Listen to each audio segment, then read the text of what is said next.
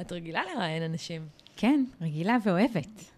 אז יאללה, קחי את המושכות. בואי נתחיל.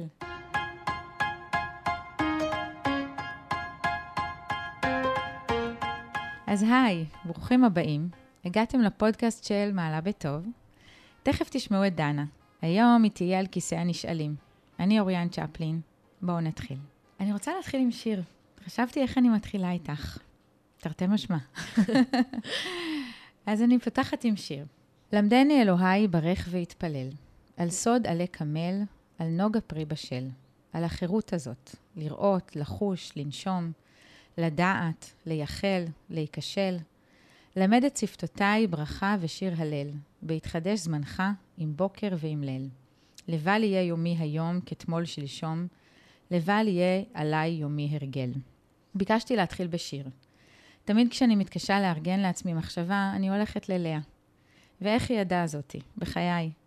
ביקשת, דנה, שנחליף תפקידים. רצית לנוח מלשאול. לבל יהיה יומך כתמול שלשום. לבל יהיה יומך הרגל. ואני הסכמתי. מי יכול לסרב לך? עם החירות הזו שאת לוקחת לך לראות, לחוש, לנשום, לדעת לייחל, להיכשל, וכך עליה סידרה לי פתיח. מרחבי הפייסבוק הפגישו בינינו. יש בך משהו שגורם לי לעצור ולהקשיב לך. אבל יותר מכך, להנהן לעצמי. מי שיראה אותי מקפלת כביסה איתך, או נוהגת, או מבשלת, ומאשרת את דברייך עם הראש, יחשוב עליי דברים משונים. חשבתי במה אפתח את השיחה, ואני הרי מעולם של מילים באה. אין לי מחקרים, ממצאים, נוסחאות ופטנטים להביא לכאן, רק מילים. אז הלכתי אל השם שלך, דנה רגב. וחשבתי לי כמה מתאים לך השם הזה. איך את דנה תמיד בכל נושא לעומק? איך את דנה בכל תחום בכובד ראש? דנה אנשים לכף זכות. את מתדיינת במובן הכי עמוק של הפועל. לא מדברת את עצמך לעצמך, אלא מנהלת דיון מעמיק, סקרני וקשוב. לוקחת את מי שמאזין לך לתוך מסע החיפוש שלך, בענווה, בנכונות לחלוק. ואז בא שם המשפחה שלך, רגב. אחרי כל הדיונים האלה ברומו של עולם, בא רגב ומושכת רגלייך לקרקע, לבסיס, לרגבי האדמה. אז יש בך הכל, מן הבסיס והאדמה הגושית שיש בה פוטנציאל לצמיחה והתחדשות, ועד רומו של עולם. ועכשיו נתחיל. אפתח בכמה שאלות קטנות משלי, ואחר כך נעבור לשאלות שהגיעו מאנשים שעוקבים אחרי מעלה בטוב, הקהילה שהתאספה סביבך. וואו, אוריאן, אני, אני בשוק. אז קודם כל, אני רוצה להגיד כמה דברים. טוב. מרשה לי? כן. לא ציפיתי לכזה, זה ממש מרגש. לגבי השם, מדהים, אני בחיים לא חשבתי על זה, אבל את יודעת, מי שהקשיב לפרק על הגאונות, כשאני ועדי מדברות ומנסות לחלץ באמצעות היסודות את הדבר הזה שאני עושה רק כדי לספק איזשהו מודל, באמת הגענו לאוויר ואדמה. ועכשיו שדיברת, זה ממש... אה, פעם ראשונה שזה, את יודעת, בא לידי ביטוי ב... אז הנה את. בשם שלי. דנה כן. ורגב, אוויר, אוויר ואדמה. אז רק נגיד שלא סתם את uh, כל כך uh, מתעכבת על מילים. אוריאן צ'פלין, אנחנו כבר היינו כאן, נפגשנו בפרק על uh, אימהות, עם נכון. הספר שכתבת, כי את גם בעצם מרצה לתקשורת, אבל את סופרת, והשנה הוצאת שלושה ספרים. נכון, את ארבע שעות, נכון, את שחוקים, נכון. וגם את uh, מה שאלת היום עם יוסי אקרמן, נכון. שזה הספק מרשים לשנה אחת. נכון, הם יצאו באותה שנה, רק שניים מתוכם התבשלו שלוש שנים על אש אה, קטנה, גבוהה, אה, משתנה, עד שהגיע תורם לצאת. כן, והספרים שלכם בעצם, באמת, יש בהם הרבה מן האלמנט הזה של לראיין אנשים או לראות אנשים. אני חושבת שבחרתי טוב, בחרתי אותך בדיוק מהסיבה הזו. איזה כיף לי. רק נגיד לפני כן אולי שאנחנו כאן כיוון שהפודקאסט הזה, את יודעת, אני חוגגת השנה לבן שלי בר מצווה, ואת בטח מכירה את זה בתור בטח. אימא, ודיברנו על אימהות, שהימים הם נורא ארוכים בהתחלה כשאת אימא טריה, ואז פתאום הם טסים, והתינוק הופך להיות נער.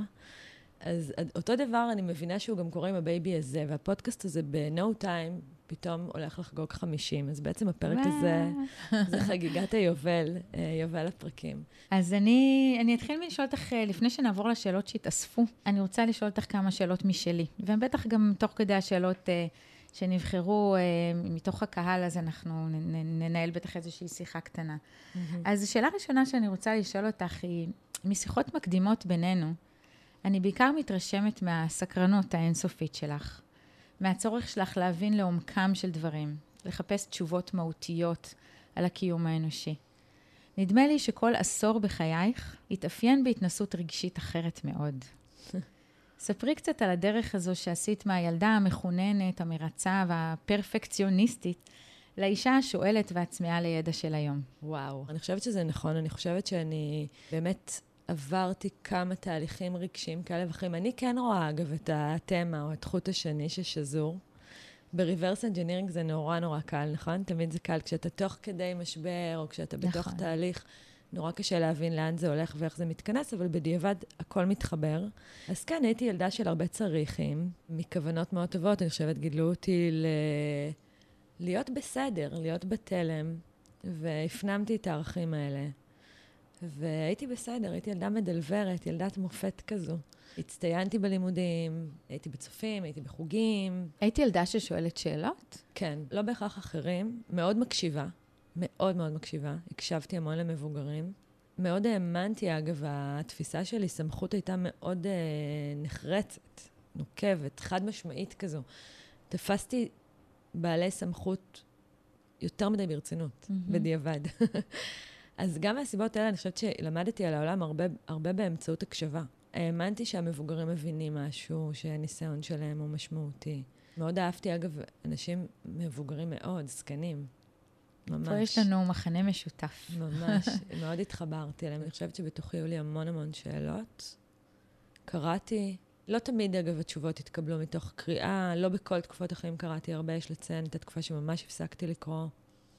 האלמנט הזה של המון צריך ולהיות בנכון יצר בסופו של דבר גם uh, תאי טרור. כן, כי באיזשהו שלב את מתחילה לנפץ. באיזשהו שלב את מגיעה, אני הגעתי למצב שזה היה, כנראה זה, זה היה גדול, מדי. א', לא הרגשתי אף פעם טוב מספיק, לא משנה כמה קבלות התקבלו לצורך העניין, או תויקו בקלסרים, החוויה הייתה ש, שאפשר יותר, שזה לא good enough. Mm-hmm. וכשיש כל הזמן איזה תכתיב חיצוני שאתה מתכתב מולו, ואתה גם לא מרגיש שזה מספק את ה... אז באיזשהו שלב, אז כן, היה, היה סדק, נסדק, ובגיל די צעיר, יש לציין, אני זוכרת ששנים אחר כך הודיתי על זה שזה קרה בגיל צעיר, אבל בגיל צעיר מאוד, סביב גיל 17 וחצי, 18, ממש עם הגיוס לצבא, בעצם חוויתי דיכאון. והתגייסתי ושירתתי בצבא, ואף אחד לכאורה לא ידע על זה, זה לא היה משהו ש... לא שיתפת אף אחד? לא, תראה, מי שסביבי, ההורים שלי ידעו על זה. אבל כלפי חוץ היית עדיין בחליפת המרצה. הח... החברים שלי ידעו על זה. Mm-hmm. המשכתי להיות, את יודעת, הייתי חיילת מצטיינת וכולי, כן? אבל אה, כן. אז היה פער גדול בין איך שהוצג בחוץ וה... אבל כבר אפשר היה. אפשר זאת אומרת, אני. חושבת, לא שיתפתי כל אחד, אבל כבר משהו כבר התנפץ. Mm-hmm. זה לא בא לידי ביטוי בהשפרצה חיצונית, לא, לא כעסתי. Mm-hmm. זה, מי שחווה דיכאון, ואני לא מאחלת את זה לאף אחד, זו חוויה שבה אתה מאבד משמעות, אתה לא כועס על העולם, אתה מתייאש קצת. Mm-hmm. זו חוויה שיש בה בעיקר תחושת אשמה מאוד גדולה. אשמה שאתה לא מצליח ל- לרצות, לרצות... כמה זמן את שוהה בתוך שנתיים. זה? שנתיים. זה הרבה. זה המון. זה ומה המון. עוזר לך להיחלץ? קודם כל, הייתי, כן הלכתי לפסיכולוגית, וזה היה מבחינתי מקום שאני זוכרת שהיא לא דיברה הרבה, כמעט בכלל לא דיברה. אבל המקום הזה שמאפשר לי לדבר את עצמי, לאוורר, mm-hmm. ושזה בסדר, זה היה המון עבורי. זה נרמל את מי שאני, ההרגשה שיש שם מישהי, שאני יכולה להגיד כל מה שאני מרגישה, חושבת, רוצה, וזה היה חדש עבורי, וזה היה מאוד מאוד משמעותי, ואני חושבת שתוך כדי, אגב, מרטין בובר מדבר הרבה על הנושא של השיח, נכון? נכון. על טרנספורמציה. אני זה אחר. אז באמת, באמצעות הדיאלוג הזה, אני חושבת שהצלחתי להתנסח מול עצמי ולהבין המון דברים, ומכעס על עצמי זה הפך להיות גם קצת, בהרבה מובנים כעס על, uh, על ההורים שלי, mm-hmm. שגם את זה צריך לעבור כנראה בחיים באיזשהו אופן. כנראה. שם את מגלה את הכלי הזה של המילים שהן כל כך, הוורבליות uh, הזאת שהיא חזקה אצלך? המילים הגיעו הרבה קודם. הגיעו עוד קודם? כן. בתור ילדה כתבתי. Mm-hmm. החלום שלי בכיתה ד', אגב, נזכרתי בזה לא מזמן, היה להוציא ספר. ייי.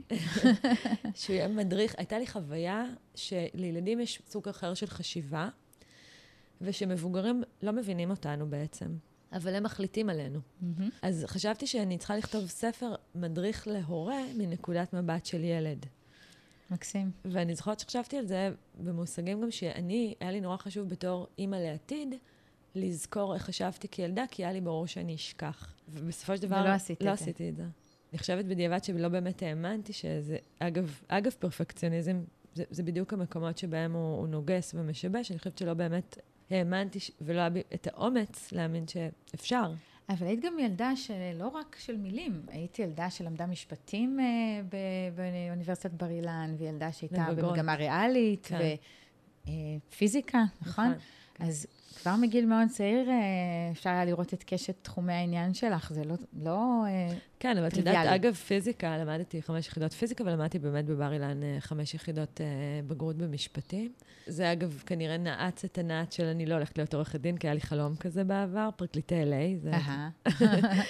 אבל אני חושבת על זה לאחרונה לא מעט, כי אני מאוד מתעניינת בפיזיקה היום, בצד הפילוסופי שלה, ואני לומדת באופן אוטודידקטי. חושבת שמי שלומד את עולמות התודעה, באמת, מוצא המון המון עניין, דווקא לח- לחיבור שהוא לא מיסטי, דווקא סביב הנושא של הקוונטים. מהמם. אני לא אלאה את המאזינים היום, אני יודעת שזה לא נושא קל, אבל בשבילי זה כמו מחילת ארנב, זה כמו ארליסה בארץ הפלאות, אני פותחת דלת ומגלה, וקטנה או גדלה, ואז דלת אחרת נגלית לי. ז- זאת החוויה שלי בתוך הלמידה הזו. כשלמדתי פיזיקה בתיכון, לא באמת שאלתי את עצמי מה מעניין אותי. אני חושבת שהיה ברור שאני פשוט טובה בזה- ושבוחרים בהכי יוקרתי. הנה הסולם הליניארי, כן. האנכי הפרפקציוניסטי. בדיעבד זה, זה אפילו מגוחך, כי למדתי פיזיקה, מי שלמד פיזיקה, ב, לפחות במחזור, במחזורים שלי, למדנו את הפיזיקה הניוטונית, שהופרכה לפני מאה שנים כבר עוד מעט, זאת אומרת, במאה הקודמת, על ידי אלברט איינשטיין, ולא ידעתי אפילו שהיא הופרכה. אנחנו דיברנו באיזו שיחה מקדימה בינינו, כן, כשאנחנו מדברות על זה לא נגמר. נכון. אה, שיש איזה גיל, איזו הבשלה של גיל ו- ואתגרים שצריך לצלוח, לעבור דרכם כדי להבין דברים אחרת. ואני בכוונה פתחתי עם השאלה, איזה דרך עברת מהילדה הזאת, הצייתנית, המרצה לאישה הזאת, שבאמת היום אה, שואלת כל כך הרבה שאלות ומשתפת בתשובות אה, שהיא מלקטת גם אחרים. זאת אומרת, יש פה איזה גם נדיבות. ואיזה צורך שיש לך לא להישאר לבד עם התשובות. אני שמחה שזה נתפס ככה, אבל אני, זה, ה- ה- המוטיבציה היא לא נדיבות. אה, לא כי אני חלילה באה להגיד משהו שהוא לחלוטין אנוכי, אבל אני עושה את זה מטעמים מאוד אנוכיים. ואם by the way זה, את יודעת, אה, מן הסתם זה... אני חווה אותך כנדיבה מאוד, זה שאת... אה, מאוד מחמם אותי. זאת אומרת, זה ללא ספק התגמול הכי גדול שאני יכולה לקבל, זה Mhm. ההדהוד חזרה. כן. זה מחייך אותי באופן אה, משמעותי למדי. כל פעם שאני מקבלת בוואטסאפ הפרטי הודעה או חיווי על שינוי תפיסתי או על תמורות שאנשים עושים, וזה מדהים, כי אנשים מקשיבים לפרקים, זה הדהים אותי אגב, בהתחלת הדרך. ובאמת עוברים איזושהי דרך באמצעות ההאזנה. כן, ולא סתם יש קהילה ואת מעלה בטוב, וזה באמת עושה טוב.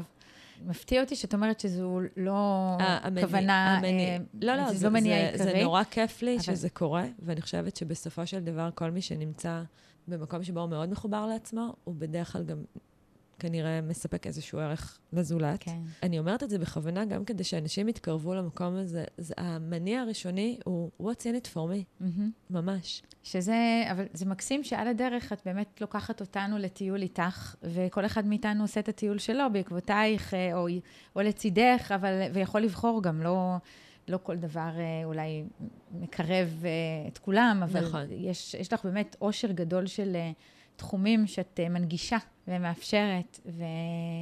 אז דיברנו על זה שיש איזה גיל מסוים שפתאום אפשר להבין דברים אחרת, להסתכל עליהם אחרת. ואולי גם לעשות איזה מין זום אאוט כזה לסיטואציות כן. של, של החיים שלנו מול אנשים שקרובים לנו וחיים אפילו איתנו בתוך הבית. ואני אלך רגע לשאלה השנייה. טוב. שוב, בשיחה מקדימה דיברנו על זה שגם בתוך המשברים שלנו, אפילו מול אנשים מאוד מאוד קרובים, אפשר למצוא איזו טכניקה כזאת פתאום, לצאת לרגע מהסיטואציה ולהסתכל. וסיפרת לי סיפור קטן, אבל בעיניי הוא נורא גדול ומקסים, שלפני כמה שבועות אה, יצא לך פתאום להסתכל מהצד על ליאור, בעלך, נכון. לשחק אה, שחמט עם הבנים, ופתאום עשית איזה מין אה, extreme close-up לכפות הידיים שלו, משחקות, כן. ויכולת ממש להתאהב בו שוב. נכון. תספרי על זה רגע, כי אני חושבת, קודם כל אני מאוד אה, מבינה מה אמרת, וזו טכניקה מקסימה בעיניי אה, לעצור רגע את המרוץ ו- ולהיות באיזו הודיה מחודשת. כן. אז זה קטע, זה, את יודעת, זה נורא הפתיע אותי. סיפרתי לך את זה בתור משהו שהוא טרנספורמטיבי כמעט, כי כשאתה בתפיסת עולם ליניארית פרפקציוניסטית, זה אחד ה, אולי הדברים שאני מבינה היום. אתה בעצם מסתכל על העולם ברצף נורא צר, וזה הרצף שבאמצעותו אתה, הדברים שלהם אתה נותן ערך, ואתה מזהה שאתה כנראה חזק בהם, או שיש לך נטיית לב, אז אתה מסתכל דרך הפריזמה הצרה הזאת על כל העולם. ומי שלא נכנס בדיוק לסדק הצר הזה, שבו אתה מצוין או מצטיין... אתה מתנשא עליו קצת. בדיוק. אתה מתנשא עליו, זה, זה צד אחד, אתה גם כמובן מרגיש נכות כשאתה לציר הזה. זה, כמובן שזה לא רק רגשות מהזן ה... ברור. במרכאות העליוניסטי, אלא הרבה מזה גם נחווה כנכות וכן נמוך והמון אה, לחץ פנימי. אבל נדמה לי שבזוגיות שלי עם ליאור, שעברה משבר מאוד לא פשוט באמצע, באמצע חיינו, נגיד, באמת הסתכלתי עליו מהרצף הזה, ממה הוא לא. ואנחנו מאוד שונים. בחרתי מישהו שהיום בדיעבד אני מבינה שעשיתי בחירה פסיכולוגית לא מודעת, אבל יש בה הרבה כדי להתפתח באמצעות הבחירה הזאת בעבורי. אנחנו ממש שונים בהכל. זאת אומרת, רק כדי להדגים את הנושא, אם אני מדברת על פרפקציוניזם, אז נניח כשהתחלנו לצאת, ליאור אמר לי, אני זוכרת ש... אגב, הוא מסוג האנשים שאת יכולה לתת לו שש, אה, מספר עם שש ספרות, ועוד שתי ספרות אחרי הנקודה העשרונית, ולבקש שהוא יעשה שורש מסוג ארבע, ותוך שתי שניות את מקבלת תשובה מדויקת. אימא'לה, הייתי בורחת כן, מהר. כן, כן, מלחיץ. אז כשהתחלנו לצאת, אני זוכרת שהוא למד אז לתואר במחשבים, והוא יצא כמעט כל ערב, ואני בתקופת מבחנים לא יצאתי. זאת אומרת, זה הכל כלום. בתקופת, את יודעת, הסמסטרים, אז יצאתי וביליתי ועשיתי וכולי. כשהגעתי למבחנים, זו הייתה תקופה שבה יש רק לימודים, ואני לא יוצאת מהבית, ואני... מוכר לי. מוכר לך? כן. אוקיי. וליאור, זה ממש לא הייתה, זה לא היה המודל, התלמידאות שלו. ואני זוכרת שהוא הוא אמר לי, לפני שיצאנו, אני רק אלמד, יש לי מבחן, עוד מעט אני רק אלמד, אה, ואנחנו כבר יוצאים. ואני מסתכלת, ואני רואה שהוא קורא כמה דקות, ואני מחכה, ועוברות אולי עשר דקות, ואז הוא אומר, אני מוכן. אמרתי לו, מה זאת אומרת? איך אתה לומד? אז הוא אמר לי, אני כל יום לומד uh, 12 עמודים.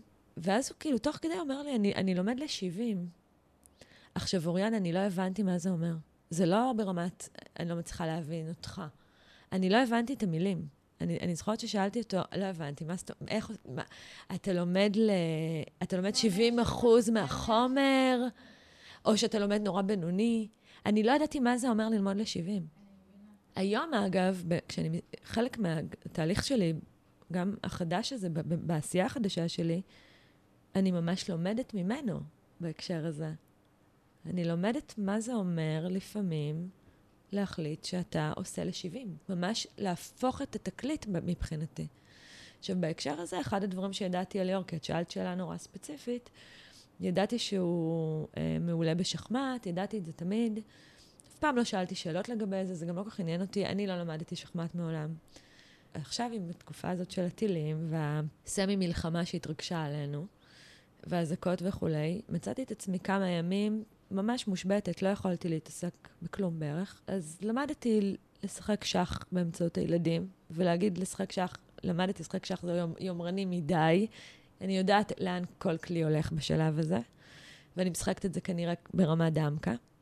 ובאחד הימים ליאור עבר ושיחק עם הילדים, כי כבר הלוח היה פתוח ופרוס, ואני לא יודעת לבקר את המשחק שלו, אני יודעת שהוא מצוין בזה, אבל כשראיתי את התנועות ידיים שלו, היה לי ברור, רק מלהסתכל, שהבן אדם נמצא בזון.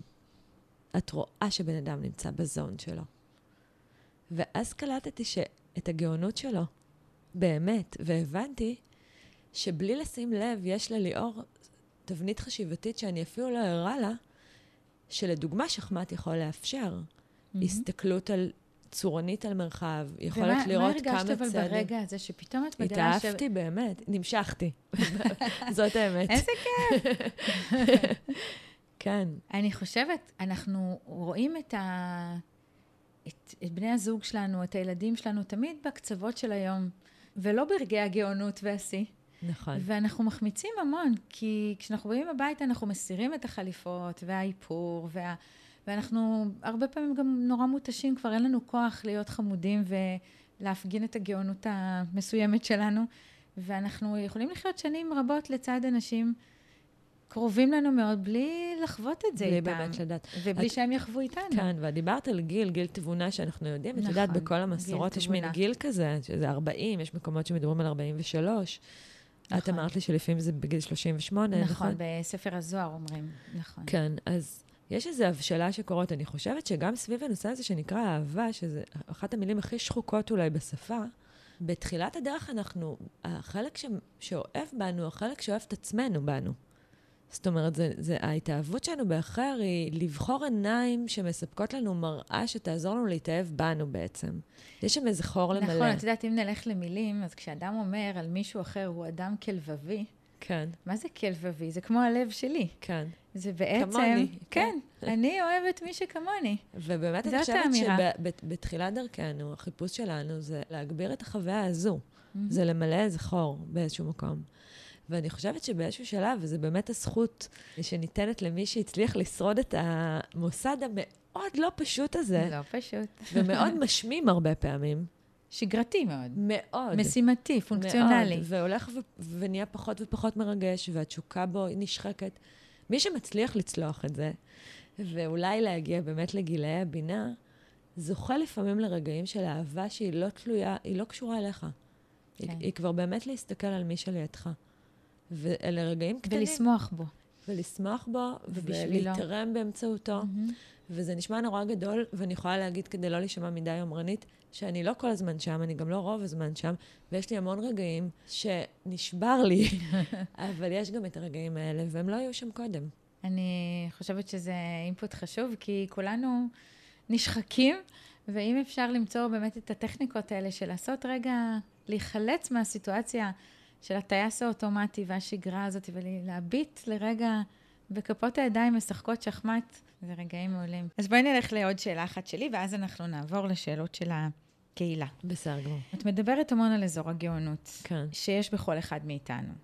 אה, על החשיבות לזהות זיהוי פנימי את האזור הזה בתוכנו. אה, אז אני רוצה לשאול אותך, אה, כי כבר דיברת הרבה על, על, על אזור הגאונות, אבל מה אזור הגאונות שלך בעינייך? מה mm. מצאת אצלך, או האם את עדיין מחפשת? אני חושבת שאני די מעובדת כבר, למרות שאני ממש לא סגורה. אני, אני מאוד מתעקשת לשמור תמיד על איזשהו סימן שאלה, mm-hmm. ואם יש משהו שאני יודעת זה שאני לא יודעת הכל, ואני לא יודעת הרבה, ואני יודעת שאני לא יודעת. זאת ההנחת יסוד שלי. אז אני באה לעולם בעיקר עם סימני שאלה. אבל, יחד עם זה, אני מרגישה שהצטמצמתי מאוד. אני חושבת שבפתיח שלך את מאוד זיקקת את מה שאני מרגישה וחווה כאזור הגאונות שלי. את הדנה ואת הרגב באמת מעולם לא חשבתי על זה. באמת הפאן פליי שלי זה בציד פרדיגמות. ואפשר לראות את זה כמעט בכל דבר שאני עושה. ההתבוננות שלי על העולם, ההתבוננות האווירית, המתדיינת לצורך העניין, כמו שאת אה, הצגת אותה, הסקרנות הזאת או הלמידה, היא בגדול ניסיון להבין את התבניות ואת החיבורים. הפרטים הקטנים הם, אה, הם הדרך המצוינת להבין את זה. אני תמיד אלך למטה. גם כשאני יושבת, אגב, עם מתאמנים בקליניקה, הדוגמאות והבשר מהחיים הן חשובות לאין ארוך יותר מאשר איזושהי אה, אמירה כללית לגבי עצמנו. Mm-hmm. אבל הפרטים הקטנים האלה מלמדים אותי על המקרו.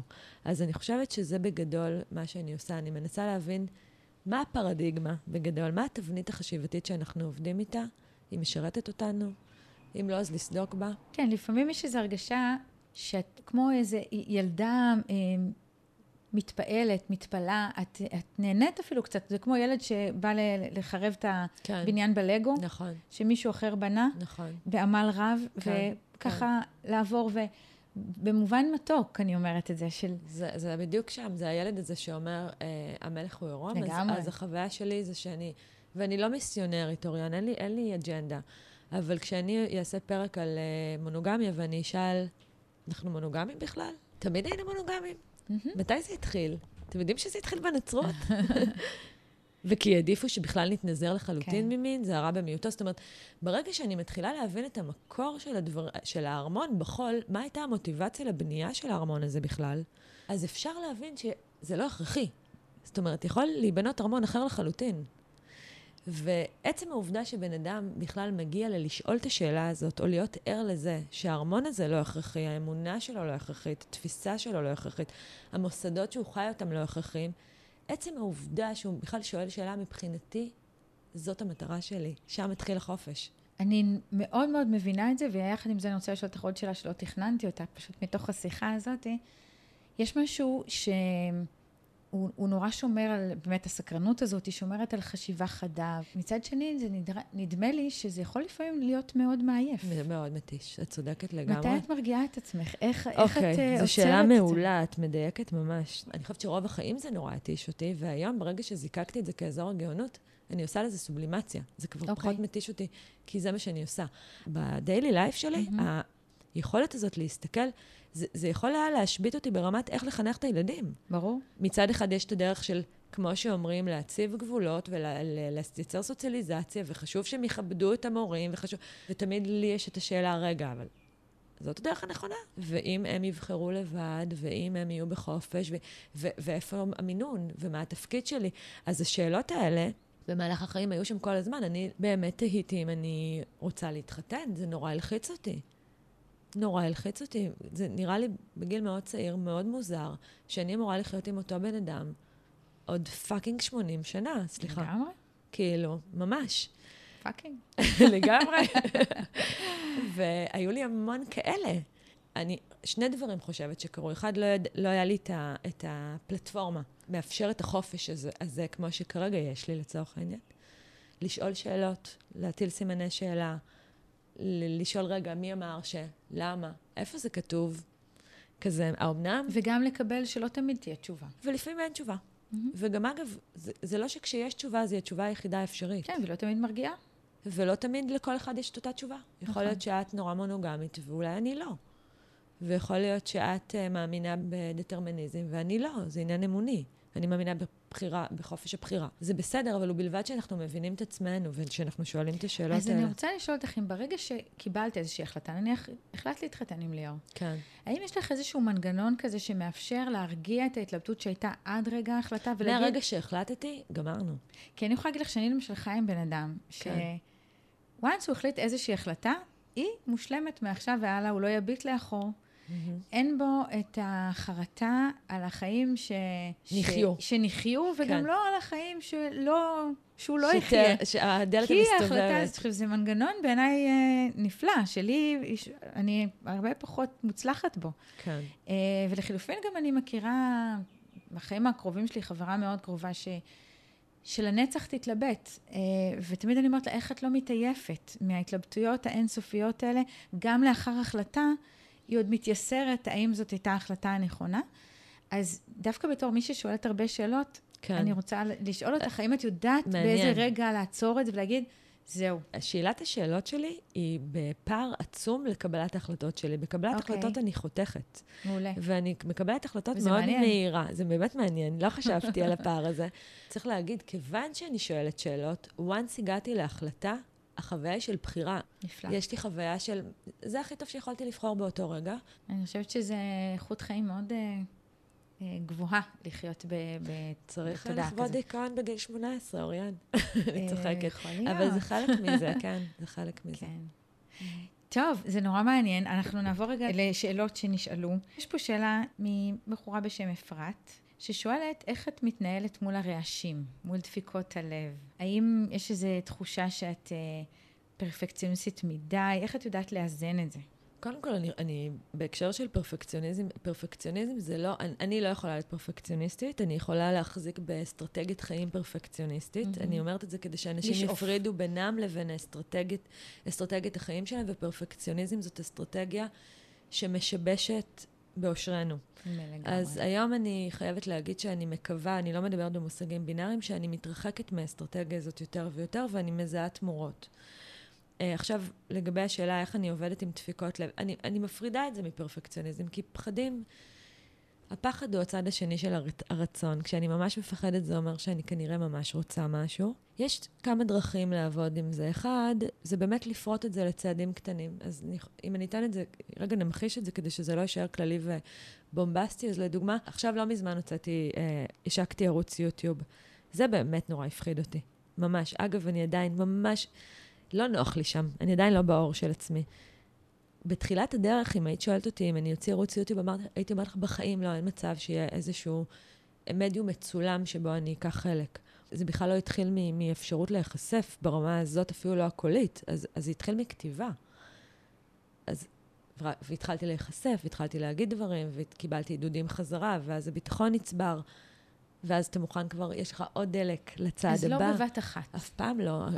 הכיבוש של הערים, הם תמיד נעשים בטיפוס צעד. מאוד מאוד איטי, עם הקשבה פנימה, פנימה מהותית של אני לא קורעת את אזורי הנוחות שלי, אני מותחת אותם, אני מאתגרת אותם, אבל אני שמה לב, ל, את יודעת, לטווח היכולת שלי. אם את מדמה את זה לטיפוס על הר, כן. אז אני רוצה לשאול שאלה, כמה את מתייחסת בטיפוס על ההר הזה, שהאוויר הולך ונהיה דליל, והעייפות של הרגליים, כמה את מתייחסת ללקוחות שלך וכמה לתנאים החיצוניים, למזג האוויר, אה, לשותפים שלך לטיפוס, איפה... טוב. קודם כל, אני לא רק מטפסת על הרים, זה הבנתי לא מזמן, שאני היום חושבת שאני גם הולכת במישורים, ו... כן, ו... סתם לקחנו כן, את כן, הדימוי כן, הזה. כן, לא, לא, אבל זה חשוב לי להגיד, כי, כי טיפוס הרים זה ממש, אה, את יודעת, זה דימוי שלוקח לעולמות מאוד אנכיים, ואני נזהרת מזה גם בחיי שלי. אני בעיקר לוקחת בעיקר מתייחסת אליי ופחות לתנאים החיצוניים. זאת אומרת, בעיקר אני מתייחסת לעצמי, אני חושבת שזה משהו להרחיב בו את המחשבה. ולהתרחב אליו, כי באמת אני לא אומניפוטנטית, לעשות, אה, אני לא כל יכולה. להתנתק גם מה, מהסביבה כדי להיות uh, בתוך תהליך שאת עוברת. אבל אני, אני אמרתי את זה דווקא מהצד הפחות חיובי של הדבר, זאת אומרת שאני לפעמים לא היחידה בתוך הסיטואציה הזאת, ויש עוד, אולי באמת, עכשיו שאת מעלה את השאלה, זאת עוד נתונים שמשפיעים על, ה, על התוצאות, על הדרך, ואני לא תמיד ממש שמה אותם, משקללת אותם, אז פחות. וכל הנושא של כה ושיתוף פעולה זה וואחד אתגר בחיי. אני כמעט בכל דבר שאני חושבת עליו, האופן מחשבה שלי, זה איך אני עושה את זה מאלף עד תף באופן סוליסטי. אז יש פה שאלה של משה, ששואל, איך את בוחרת באיזה מטרה להתמקד? את הרי באמת כל כך מגוונת בתחומי העניין שלך, אז מה אה, גורם לך להחליט שעכשיו את על משהו מסוים? זה כאוס מאורגן. הקריטריון שמחליט היום עבורי הוא מאוד מאוד uh, קשור בסקרנות ובתשוקה שלי. זאת אומרת, מבחינתי זה המדד. אני חושבת שגם זה כבר, אה, שוב, עניין של גיל. אנחנו קצת משתחררים מה... מה יגידו ומה ייעדו לנו ו... ומה אנחנו uh, חשבנו פעם שצריך לעשות. ו... והתשוקה היא באמת, אה, אם, אם, אם קמים בבוקר למשהו בלי תשוקה, זה ניכר. אני שחררתי מעליי בהרבה מובנים את העול הזה של, אה, א', שליטה בתוצאות, אני מבינה שאין לי. אז השליטה היחידה שיש לי זה על הדרך שלי. Mm-hmm. ושם, מבחינתי, מה שחשוב לי זה שאני אהנה ממנה, שאני אהיה עם תשוקה. אני ממש מאמינה שככל שאני מגיעה עם יותר הנאה ורצון ואנרגיה, התוצאות, מן הסתם, הן בהתאם. כן, אין ספק. אז אם, אם הצלחתי להגיע לתוצאות אה, משמעותיות עם תשוקה אה, נכבדת, אז לך תדעי לאן אני אגיע כשהתשוקה היא בוערת. לגמרי. אז כזה, כשאני מגיעה לפודקאסט, אז, אז יש תקופה שנורא נורא מעניין אותי להבין את הנושא של אבולוציה התנהגותית, ואיך הגענו למצב הזה שאנחנו כל כך stressful בעידן הזה. למ, למה, למה אנחנו כל כך לחוצים? למה סטרס נהייתה מגפה? זה אמור להיות הפוך לחלוטין. האנושות חיה ב, לכאורה בתנאים הרבה יותר נוחים ממה שהיא חיה בעבר. ואז אני מתחילה לחקור את זה, ואני מגיעה לדוברת שאני מראיינת אותה, אפרת שמר במקרה הזה, ו- ואני אומרת לאפרת, תקשיבי, אני רוצה לחקור את זה עוד, והיא מובילה אותי לשמוע הרצאה של אה, מרצה בעל שם עולמי, שהוא פרופסור למדעי המוח, ואז אני לוקחת קורס שלו בסטנפורד על אבולוציה התנהגותית, ואני עפה מזה.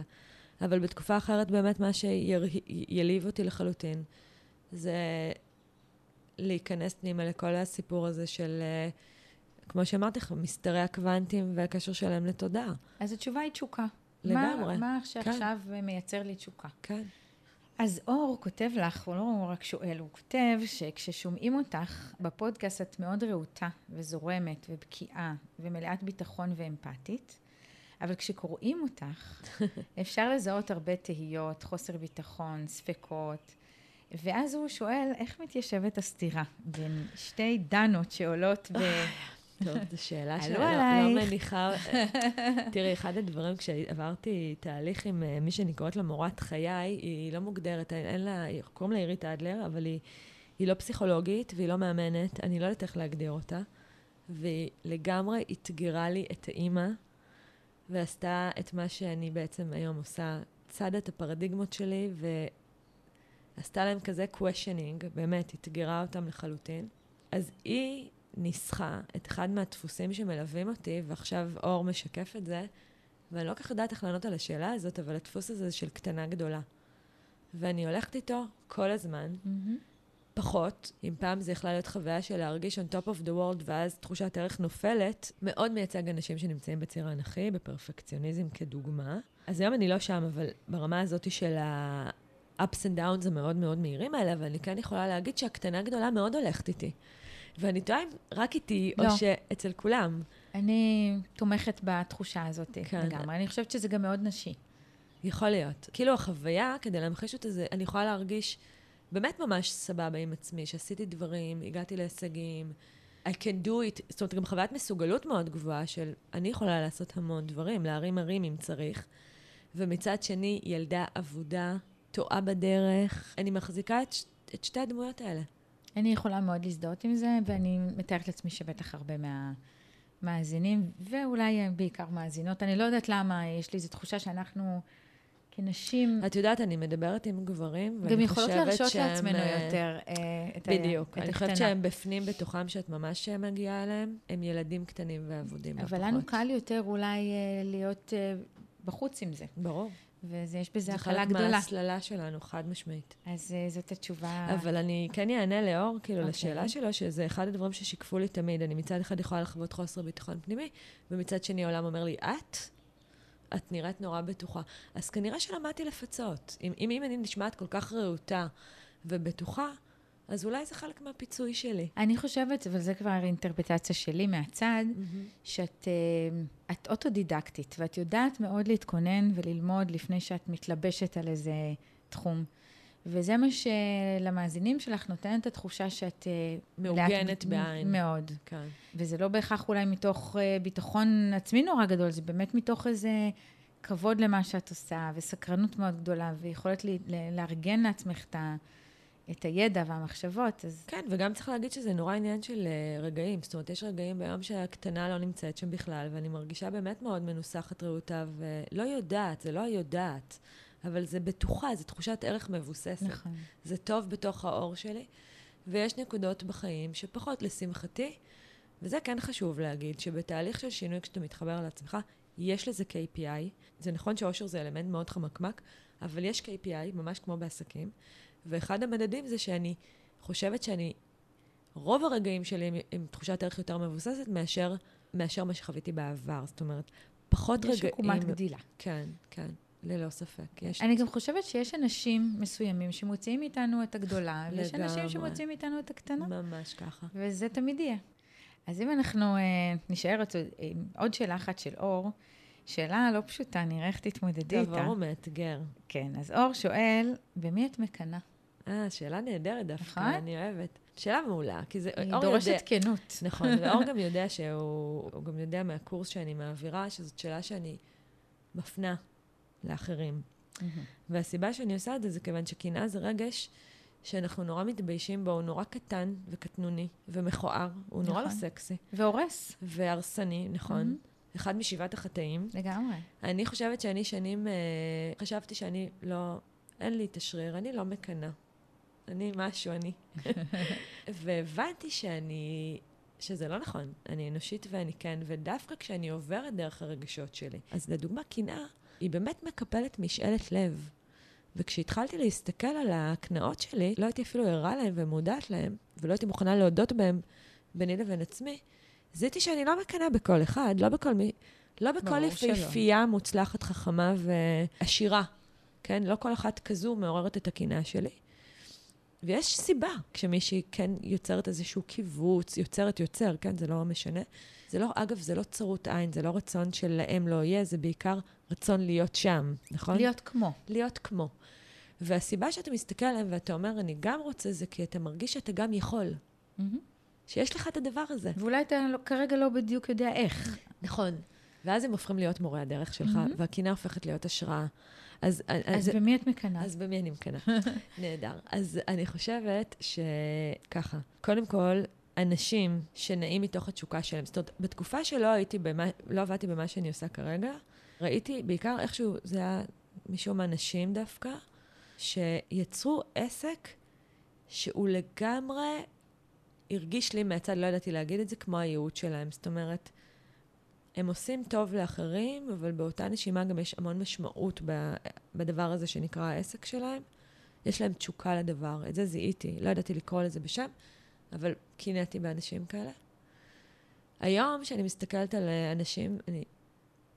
נורא מעניין אותי לראות אנשים שמצד אחד כאילו יצאו מהמטריקס, ומצד שני הם יצרו scaling לדבר הזה. הנושא של scaling מעסיק אותי מאוד מאוד. אני בעיקר מסתכלת, אגב, על one man shows, כי, כי כנראה שאני יודעת בעיקר בסוליסטיות. לצערי, אגב, לפעמים. זאת אומרת, אני כבר מתחילה לקבל את זה, אבל יש לזה מחיר. אנשים שהם one man shows, אבל שהצליחו לעשות משהו ב scaling, מאוד מעניינים אותי. המודל הזה מאוד מעניין אותי. אבל את בורחת למעניינים אותי ו... מק- מקנאים, כן, כן. Okay. אני אוקיי. יכולתי להרגיש. אני אגיד לך את האמת, אני... את כבר יודעת לנת...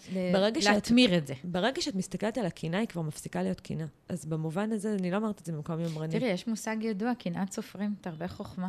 נכון. יש בזה משהו שאפשר להשתמש בו כדי אה, להתקדם. נכון. ו- והשאלה איך... ולהתחדד מול... שאלה איזה שימוש אתה עושה בזה. לגמרי. אני יכולה לתת לך דוגמה ממש קונקרטית. נגיד, נאור נרקיס, הוא התראיין כאן, הוא scalancer. הוא טבע את המושג. אנחנו הפכנו חברים טובים. הוא מתוק אמיתי. מעבר לזה שהוא בחור מוכשר וחכם. וכשאני הסתכלתי על מה שהוא עשה, את יודעת, הוא סופר מובנה, הוא מאורגן, הוא מסודר, הוא יצר, יש לו קהילה שנקראת תוכניסטים, של יוצרי תוכן, וקהילה גדולה, והוא יצר המון מוצרים. ובאחת השיחות שלנו, הוא דיבר איתי על, על מוצרים שחשוב לו לייצר, שזה מוצרים מחליבים. מה זה אומר? הוא אומר, כמו חלב, כמה פעמים קנית חלב בסופר? שאלה אחת. ושאלה שנייה, כמה פעמים החזרת אותו מתוך חוסר שביעות רצון? נאן, נכון? אפס פעמים. הוא אומר, זה מה שאני רוצה לייצר. אני רוצה לייצר מוצרים שהם כמו מוצר מדף, הם לא טיילור מייד, הם לא, לא זקוקים לי בסיפור הזה. ומצד שני, גם אין שם אלמנט של חוסר שביעות רצון. כי אם אני... וגם שכולם צריכים אותם. וכולם צריכים אותם, בדיוק. ותקשיבי, ואני, כרגע המוצרים שאני לצורך העניין מספקת, הם מחייבים אותי בשלב הזה. אז באוטומט זה הולך לאוקיי, כאילו, נאור יודע לעשות את זה, איזה גאון הוא, מבריק, אני לא. אבל שנייה וחצי טוב, אחר כי כך... קוראים לו נאור. נכון, נרקיס גם, אגב שמות. לגמרי. כן. אבל שנייה וחצי אחר כך אמרתי לעצמי, אגב, לקחת קינה ולהפוך אותה להשראה, רגע, מה יש במה שנאור עושה, שאני כל כך מעריכה ואוהבת, שאני יודעת לתרגם אותו, יכולה לתרגם אותו למה שאני עושה? ובעצם הערוץ יוטיוב נולד מתוך זה. אני עוד לא יודעת איך זה ייראה ברמת מוצר, אבל אני יודעת להגיד שאת הדבר הזה, הוא לקח את הנושא תוכן, והוא חילק אותו למלא מלא מלא מלא נושאים קטנטנים.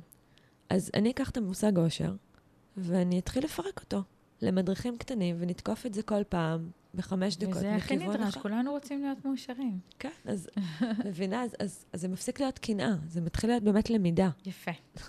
אז אנחנו נלך לשירלי, שאני בחרתי שאלה אחת שלה. אה, שירלי שואלת, מה הכי מפחיד אותך? ומה לעולם לא תעשי? בחרת שאלות הכי מאתגרות, אוריאן. ברור. מה הכי מפחיד אותי? תראי, ברמה הכי, את יודעת, אה, מיידית, זה חס וחלילה אם יקרה משהו לאנשים שקרובים אליי, זה ברור. כאילו, יש דברים שאפילו מפחדת להגיד out loud, אבל כל מה שקשור בילדים זה נראה לי פחד קיומי. נכון. ואם אני הולכת לרובד פחות אה, אה, טרגי, נגיד, או פחות אה, דרמטי, אני חושבת שאולי מפחיד אותי לגלות שמה שאני רוצה להביא לא יובא כמו שאני רוצה. זאת אומרת, כי יש לי עוד חזון, אני בתחילת הדרך. אז לגלות שזה לא. אבל אני מקווה שאת גם יודעת שגם אם זה לא אני מפרידה בין, עכשיו, בין אז, התוצאות. אז כן, אפשר כן, יהיה להביא את זה כן. שוב בדרך אחרת. כן. אני מאוד עושה את ההפרדה בין התוצאות ל... ועדיין יש לי איזו בקשה פנימית, איזו מין הבטחה כזאת, ש... תבינו אותי. שזה יקרה, שיהיה. מה- שיהיה משהו ש... כן, אז... שזה יישאר כזה קטן, או, או כזה, זאת אומרת... חשובה לך הכרה ולהיות אהיבה. תראי, זה חשוב לכולנו. ברור. כאילו, זה ערך, אה, את יודעת, זה הלמה של כולנו, להרגיש שייכות וכולי. את זה יכולתי לעשות גם באופן אחר. כאילו, יש עוד ערוצים מהמם. להשיג את זה. יכול להיות שאפילו היו ערוצים יותר פשוטים. ישירים ופשוטים, כן. חשוב לי האימפקט מאוד היום. אז על המשקל, מה הכי מפחיד אותך זה שלא יהיה לך אימפקט. כן, נכון, להיות נטולת אימפקט. כן. אוקיי. שירי שואלת, איך את מתוך ה... אני, זה אני מתרגמת אותה, איך את מתוך כל העשייה הזאת שלך, ה- המאוד מ- מאומצת, איך את מצליחה לשמור על איזון? בין משפחה אני לא. לבין שקט, לבין... אז לא. שאלה מצוינת, אז אני אענה, כי היא שאלה סופר חשובה, כן. והיא גם, את יודעת הרי, כי דיברנו על זה לפני שנפגשנו, שהיא מאוד מאוד חיה ובועטת כרגע, מהמם. בחיים שלי כרגע. אז קודם כל, איזון הוא, הוא נקודה חמקמקה, ממש חמקמקה. אנחנו מבינים אותה רק אחרי שאנחנו עוברים את הגבול. אפשר להבין איפה הגבול שלנו אחרי שעברנו אותו. מהמם. והיא סופר חשובה, זה נכון. והיא גם משתנה מאוד מאוד עם החיים. כשהייתי אימא צעירה יותר, אז האיזון בית עבודה שלי היה אחר לחלוטין ממה שהוא היום. היום הילדים שלי יותר עצמאיים וכולי, ואני יכולה לתת מעצמי יותר זמן ושעות לעבודה ממה שיכולתי בעבר, לדוגמה. אבל את נותנת, נותנת דעתך לזה. לזה אבל אני שזה- נותנת דעתי לזה, ואני אומרת בכנות שכרגע אני בתקופת חיים שבה האיזון הופר. אני מרגישה את זה במובן הזה שאני פתאום מוצאת את עצמי בשישי שבת מקדישה זמן לעשייה שלי, שאני מאוד נהנית ממנה, אני גם לא תופסת אותה כעבודה, ועדיין יש לי נו נו נו עצמי לדבר הזה, כי זה לא בסדר. כי אני מכל שזקוק להטענה ולהתמלא, ונורא התבאסתי בשבת האחרונה שלא הלכתי לים, ומצאתי את עצמי עושה את מה שאני כאילו צריכה לעשות כדי להכין את עצמי לשבוע הקרוב.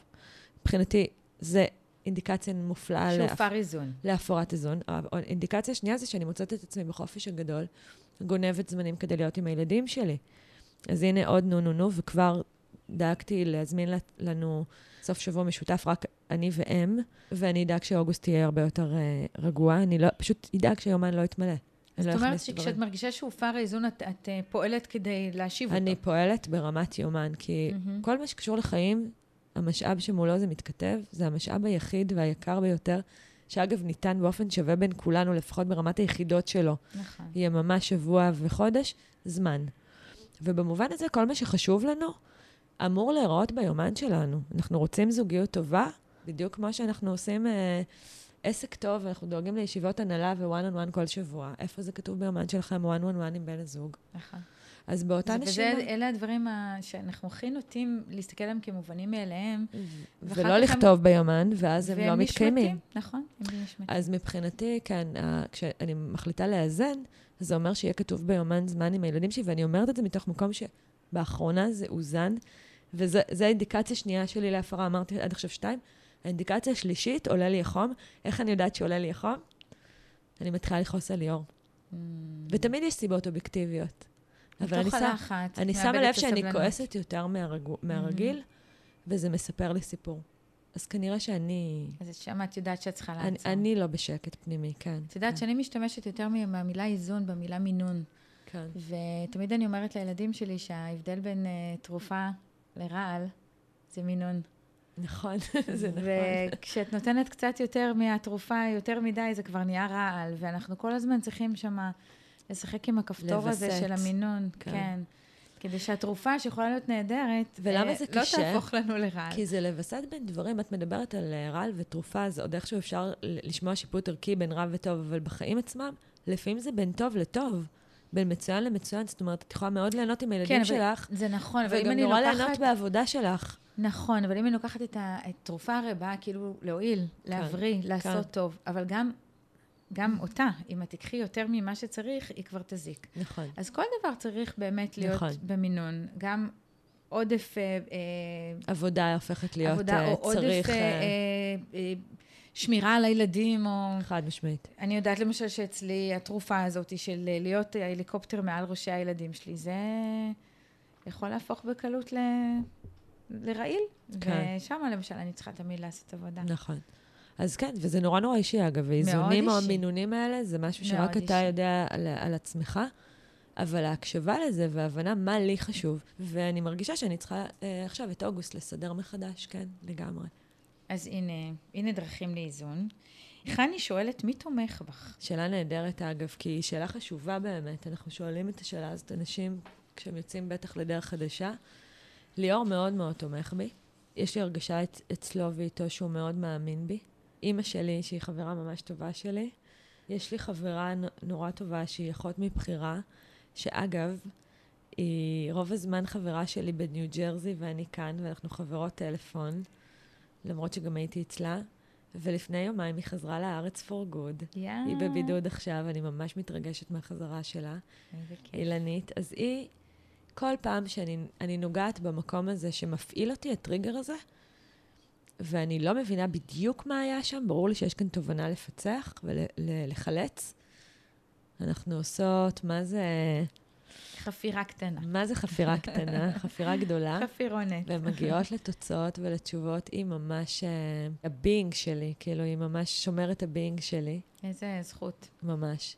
וזהו, וחוץ מזה, את אני לא מציינת כאן אה, שמות, ואז אני מרגישה פתאום קצת לא נוח, אבל יש לי חברים, ממש, אה, יש כמה חברים שנבחרו בפינצטה ובקפידה, שהם הולכים איתי דרך ארוכה, ואני מרגישה מאוד נתמכת על ידם. זאת מתנה גדולה. שיש על מי לסמוך ואת מי לשתף. לגמרי. איילת, בין הרבה שאלות שהיא שאלה, אחת מהן בחרתי, היא מבקשת שתשתפי אותנו בכישלון שממנו צמחת ועשית קפיצה משמעותית בהתפתחות שלך. אוקיי. Okay. טוב, אני חושבת שהכישלון הכי מפואר, כי אפשר לחשוב על כל מיני, אבל הכישלון הכי מפואר שלי באמת קשור לזוגיות שלי עם ליאור ולנקודה הזאת שבה היינו ממושברים היטב.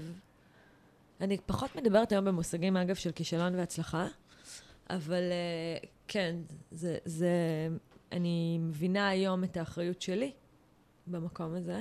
היינו בקשר עוין במשך חמש-שש שנים. וואו. כן. זה הרבה זמן. זה גם מאוד כישלון. מאוד. כן. זה הרבה מאוד זמן. ובתוך הזמן הזה... וזו חזית את, מאוד חשובה בחיים. את היית מודעת לזה שאת בתוך... שנורא לי? כן. רע לתפארת. כי לפעמים מסתכלים רק לאחור ואומרים, לא, לא, לא. וואי, זה היה קשה. היה רע לתפארת במודע, mm-hmm. בטרוניה, ויחד עם זה במין חוסר עונות. כי לא ראיתי, לא יודע... מבחינתי הייתי בטוחה שהרמתי כל אבן. אגב, לא הרמתי כל אבן, חשבתי רק. אני אגיד לך מה, הרמתי כל אבן בלנסות לשנות אותו. אה, זה מקסים. כן. אנחנו מעולות בזה. כל אבן הרמתי, וזה לא עבד. כן. האמת שלא ניסיתי להרים את האבן של לשנות אותי. וגם לא בחרת בללכת. ובדיוק, וזו הייתה תחושת מלכוד איומה. כי מצד אחד, לא בחרתי ללכת, ואז, בדיעבד אני יכולה להגיד לך שאני חושבת שלא סתם לא בחרתי ללכת, אבל אז החוויה הייתה שאני פשוט פחדנית. אז מצד אחד יש חוויה של לא טוב לי. כמובן שכיסיתי את זה בילדים, ולא להשאיר אותם... Uh, וכל השנים האלה לא היו נקודות זה... אור קטנות כאלה של... היו, אבל uh, קטנטנות ומעטות, ותחושה הייתה נורא לבד. תוך כדי שמן הסתם, את יודעת, זה מסע חיים של ילדים קטנים. זה בדיוק השנים הכי... בניית בית, כן. שנים של בנייה. נכון. קריירה שהייתה אז מאוד uh, אינטנסיבית, ואני הרגשתי לא בסדר בכל החזיתות, זאת אומרת, זה אגב מאוד תקף לנשים, אני לא חושבת שגברים חווים את זה באותו אופן, את מיוסרת בכל זירה. נכון, כי את נדרשת להמון חזיתות. Uh... ואת תמיד פחות מדי בכל מקום. מבחינת זמן, דיברנו על זמן ועל יומן. כן, גם כשדיברנו על אימהות בזמנו, דיברנו נכון. על זה ש... בכל מקום את, את כאילו חסרה. ומצד שני, בבית אה, חווה הייתה של אה, לבד. לבד מול המטלות, לבד אז, מול גידול הילדים. אז מה קרה שפתאום... לבד מול בניית בית, לבד, ממש לבד. ואיך זה משתנה? חברה טובה, ליטל, והיא באחת השיחות אמרה לי, תקשיבי, אני שומעת אותך כבר הרבה זמן, ואת עושה אותו דבר, אז אם את רוצה לשנות, אולי תלכי לטפל בעצמך. היינו גם אחרי טיפול זוגי. זאת אומרת, וגם הוא הסתיים בזה שהמטפלת הסתכלה עלינו במבט של אולי תתגרשו. ועדיין לא חתכנו. ואני כאילו, את יודעת, אני בן אדם סופר מטופל. מבחינתי אני מהלכת בעולם עם סוללת אנשי מקצוע סביבי. במה יש עוד לטפל? זה כבר די, כאילו. באמת לא ראיתי, והיא חזרה על זה ואמרתי, את יודעת מה, אני, אני מקשיבה לך, ובאמת היא, היא נתנה לי את הטלפון של אותה עירית אדלר. וסובבת את פתאום את נקודת המבט אל עצמך, והורדת מליאור. והגעתי לבד. אני היום, אגב, ממליצה מאוד מאוד לזוגות לשקול טיפול יחידני ולא בהכרח זוגי. חד משמעית, כי הרבה פעמים טיפול זוגי הוא, מת, הוא, הוא, הוא מתחפש ממשיך, לטיפול. וזה ממשיך מאבק. והוא הופך להיות בדיוק אה, כאילו זירה אינטלקטואלית mm-hmm. להתנערות מאחריות. Mm-hmm. וכשאני הגעתי לעירית, הגעתי אליה עם שתי חזיתות שלא עבדו לי, שהן משמעותיות. אחד זה חוויה ש... כאילו הקריירה נראה, הכל נראה טוב, אבל אני לא בתשוקה בכלל. והשני זה הזוגיות, שאני בניכור, אני לא לא בתשוקה, זה עוין. ועירית ממש עבדה איתי, והיה קטע, אני, אני מן הסתם לא יכולה לספר ולפרט את כל מה שהיה, כי זה המון זמן, אבל כן יספר, כדי שיהיה ברור כמה זה לא פשוט, מן הסתם, וכל תהליך עובר התנגדות משמעותית, זה שאחד התרגילים שהיא נתנה לי באיזשהו שלב, לא ממש בהתחלה, היה לחפש מה כן טוב בליאור כל יום ולכתוב למייל. מה שהרגיז אותי. התרגיל הזה הרגיז אותי. כל מה שרציתי זה שהיא תשמע למה הוא מכעיס. והיא נותנת לי תרגיל שהוא מבקש ממני לעשות בדיוק הפוך, ואני לא רוצה. אז קודם כל כבר הייתה כאן איזושהי מראה. היא לקחה את הפרדיגמה שלך. בדיוק. כבר הייתה כאן מראה כמה אני, אני, אני בוחרת להיאחז בכעס, אבל מה שהיא עשתה איתי זה גם מה שאנחנו עושים כשאנחנו עושים גרטיטיוד, זה בדיוק אותו דבר, עכשיו זה, זה בעצם תרגיל שנקרא עין טובה, והיא ביקשה ממני להרחיב את הפרספקטיבה שלי. נכון, הוא שחור משחור, ויש מלא נקודות שהוא בלתי נסבל, אבל מה כן? ואת יודעת, כמו אפקט הגרטיטיוד, הכרת תודה, אני תלמידה טובה, זאת אומרת, אני יכולה להתנגד כמה, אבל אם זאת המשימה שניתנה לי, אז עכשיו כל יום היא תקבל ממני מייל. זה לא, אני לא, אני לא אפסח על ה... וכל יום היא קיבלה מייל, וכל יום ראיתי משהו טוב. ואז גם התחלתי לחפש דברים טובים. וכמובן שזה גם היה כרוך בשיחות, ו... ובהרבה מעבר רק לתרגיל הזה, אבל התחיל איזשהו תהליך שבו אני עשיתי שינוי. וכשאני עשיתי שינוי והבנתי איפה אני, אז גם התאפשר לה ליאור לעשות שינוי. אני חושבת שזה תרגיל נורא יפה בכלל, גם, גם מול הילדים שלנו, גם מול אה, שותפים שלנו אה, בעבודה, וגם כל מי שבא איתנו במגע, להזכיר לעצמנו אה, מתוך העומס לשנן את הדברים הטובים. לשזוף עין טובה, וזה לא נכון. לא אומר, אגב, וזה חשוב להגיד, כי אחרת זה עריצות של שמחה, של טרור של חיוביות, ואנחנו לא בעסקי לא, לא. עריצות. זה לא אומר ש... לצד זה שאנחנו בדיוק. יכולים לכעוס לצד זה שהוא מעצבן, ול... והוא הרגיז אותי, והוא נגע לי בנקודה, והוא לא כיבד אותי עכשיו, או שהוא עושה משהו שהוא יודע שאני לא אוהבת. ו... אבל גם הוא גאון בשחמט, והוא דאג שאני אשן צהריים. כן, זה גם מאפשר איזו עצירה. מהמרוץ הזה, שאפשר להסתכל, אה, לחפש באמת את הטוב. ו... אז זה הכישלון הגדול שלי, כי אלעד שאלה את השאלה הזאת, ואיך צמחתי ממנו? הרווחתי חברות עמוקה וכנה. עם ליאור. עם ליאור, ואת יודעת, ו... ומשפחה שהיא כן אה, תא משפחתי שלא התפרק. זה רווח אה, שלא יסולא בפז, נכון? חד משמעית. כן. מבחינתי זה הדבר הכי משמעותי אני יכולה להגיד בחיים שלי. אנחנו ככה נתקרב לסיום, ואנחנו לא, לא נגענו בהכל. אז נשאל שתי שאלות אחרונות. אחת, מתי בפעם האחרונה הרגשת מאושרת? וואו. יש פה שאלה. יואו, את באמת בחרת את השאלות, בפינצטת, אלה ש... נכון, כי יש המון המון שאלות כן. וזמן... אה, טוב. אז ככה, זה, אני רוצה, אני נורא רוצה להביא כנות, אז אני אגיד ככה. קודם כל, היום האושר בחיים שלי הוא, ב, הוא ברגעים מאוד קטנים, אז אני יכולה להגיד לך שאני השבוע הייתי מאושרת כשישבתי פה לפגישת סיום עם מתאמנת שעברה תהליך מרהיב של השאלת נשל, ולקרוא את התובנות שלה זה היה רגע סופר מעצים.